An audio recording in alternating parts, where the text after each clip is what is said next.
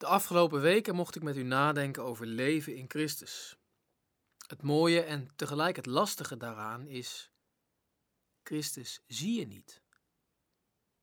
Toch geldt, wie Christus is, zijn identiteit, zijn levensverhaal, is beslissend voor de identiteit en het levensverhaal van iedereen die in hem gelooft. Nu zie je dat nog maar ten dele. Straks gaan we dat zien als Jezus terugkomt. Als Jezus terugkomt en we Jezus zien, dan zien we ook wie in Christus zijn en hoe Jezus hun leven nieuw maakt. Tot die tijd zijn we volgens Paulus in 2 Korinthe 4, vers 7 een aardenpot voor een geweldige schat. Een aardenpot. De wegwerpverpakking uit zijn tijd. Van buiten dus niet heel mooi en indrukwekkend, maar kijk eens van binnen. Het kan zijn, 2 Korinthe 4, vers 16, dat je uiterlijke bestaan steeds minder mooi en indrukwekkend wordt, terwijl je innerlijke bestaan van dag tot dag vernieuwd wordt.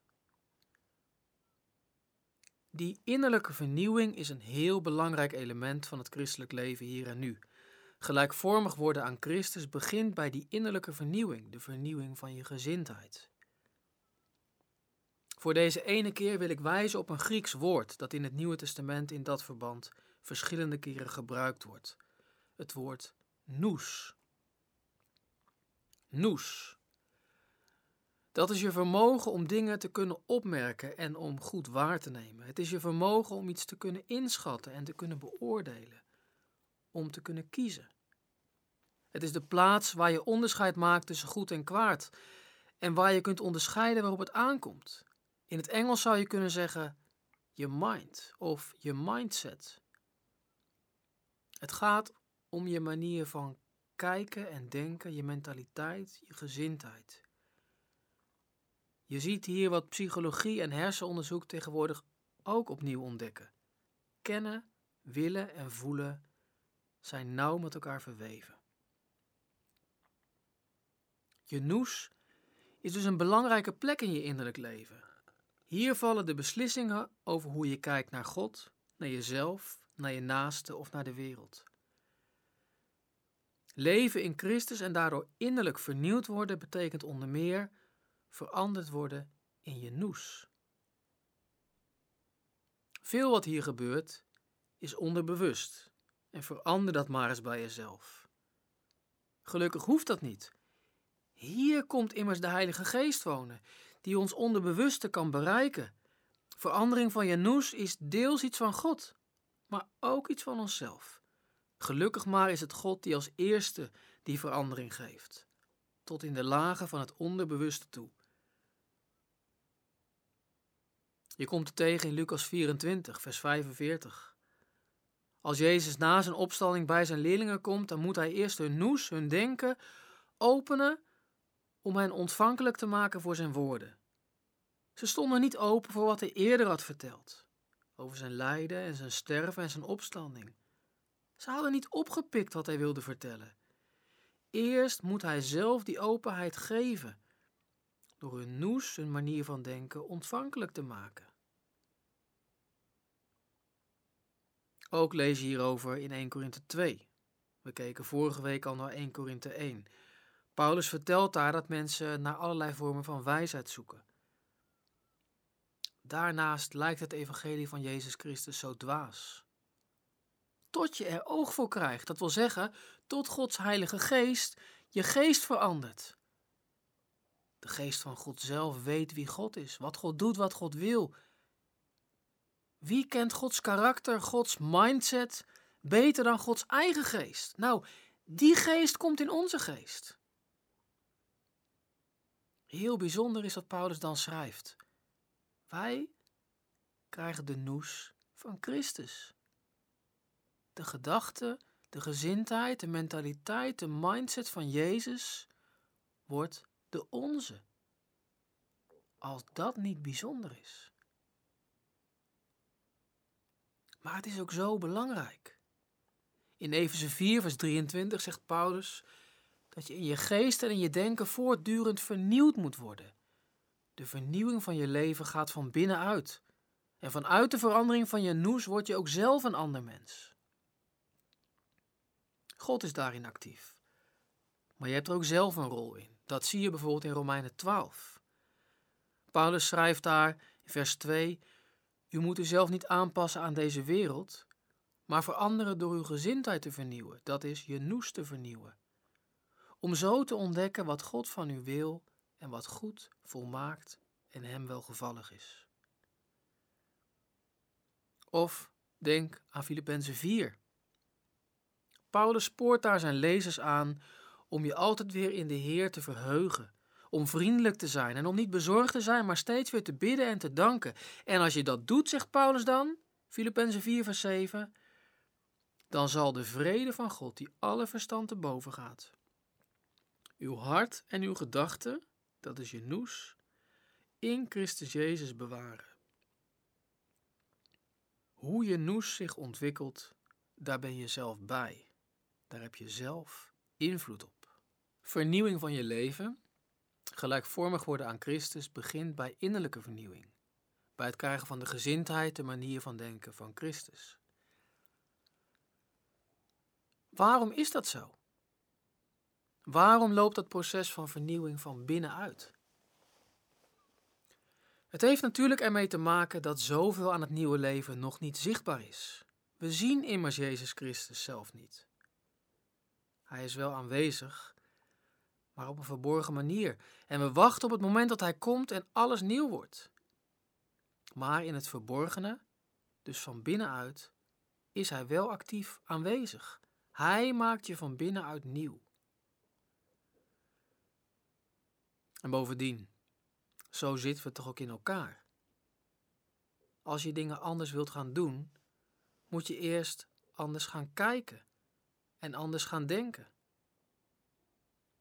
Eerst anders leren kijken, dan anders leren denken en dan ga je ook anders doen.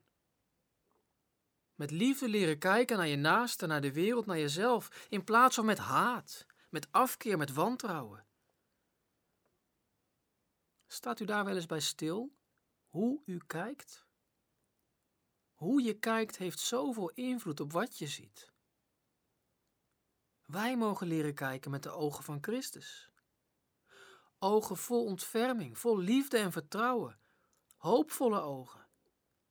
Want Gods koninkrijk is onze toekomst met Christus als koning. En dan anders leren denken. Naar de wereld kijken vanuit de belangen en de nieuwe mogelijkheden van Gods koninkrijk, vanuit de mentaliteit en het karakter en de gezindheid van Jezus Christus goed en kwaad onderscheiden vanuit de gehoorzaamheid aan Christus. Vanuit wat God goed vindt. En wat volmaakt is en waar God blij van wordt. Wat denkt u, zouden uw prioriteiten veranderen als u meer denkt met de gedachten van Christus? En wat zou het met de wereld doen? Realiseer je het je goed? Gods project is het veranderen van deze wereld door mensen van binnenuit te veranderen. Als je wilt dat we beter met de schepping omgaan en duurzamer leven, als je wilt dat relaties sterker worden en mensen elkaar niet kapot maken, als je een mooie toekomst wilt.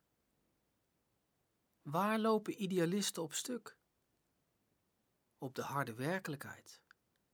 Dat is op de botheid van mensen. Als je wat wilt, moet je mensen veranderen. En dat is God aan het doen. Dat is Gods wereldwijde project. Mensen weer afgestemd laten zijn op God en op Gods rijk, door ze de gedachte, de gezindheid van Jezus te geven. Innerlijke transformatie, daar gaat het om. Dan ga je anders kijken, anders denken en natuurlijk ook anders doen. Gelukkig komt Gods geest in ons wonen en kan Hij ons die innerlijke transformatie geven. Maar we zagen ook al, je speelt ook zelf een rol in die innerlijke transformatie. Je hebt immers invloed op de vorming van je mindset. Films, reclames, verhalen, identificatiefiguren, onderwijs en cursussen, het speelt allemaal een rol. Maar denk ook aan therapie of de mensen in je omgeving. Wat vind je gewoon? En wat vind je normaal?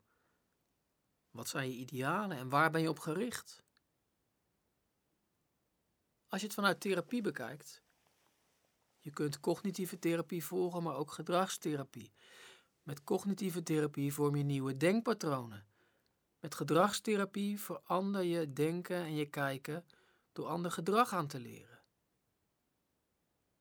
Nou, zo kun je de Bijbel lezen of naar preken luisteren om anders te leren denken en kijken.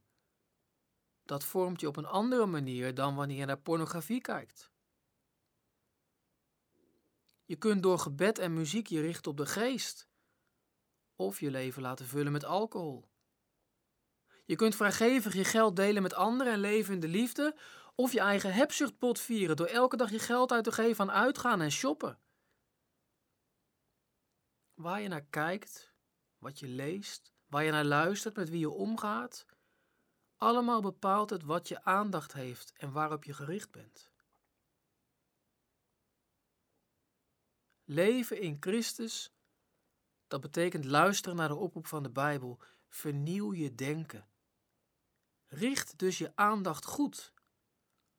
Volg niet de schema's en patronen van deze wereld, maar word zelf vernieuwd door de vernieuwing van je mindset. Wees blij met Christus. En richt je aandacht op, op alles wat waar is, alles wat edel is, alles wat rechtvaardig is, alles wat zuiver is, alles wat lieflijk is, alles wat eervol is. Kortom, alles wat deugdzaam is en lof verdient. Filippenzen 4, vers 8. Richt je op Christus. Dat betekent voor Paulus: maak elke gedachte krijgsgevangene om haar aan Christus te onderwerpen. 2 Korinthe 10, vers 5. Leven in Christus, dat begint bij kijken, denken, voelen in Christus. Dan komt er innerlijke transformatie. Dan wordt je leven nieuw. Dan wordt Christus zichtbaar in wie je bent.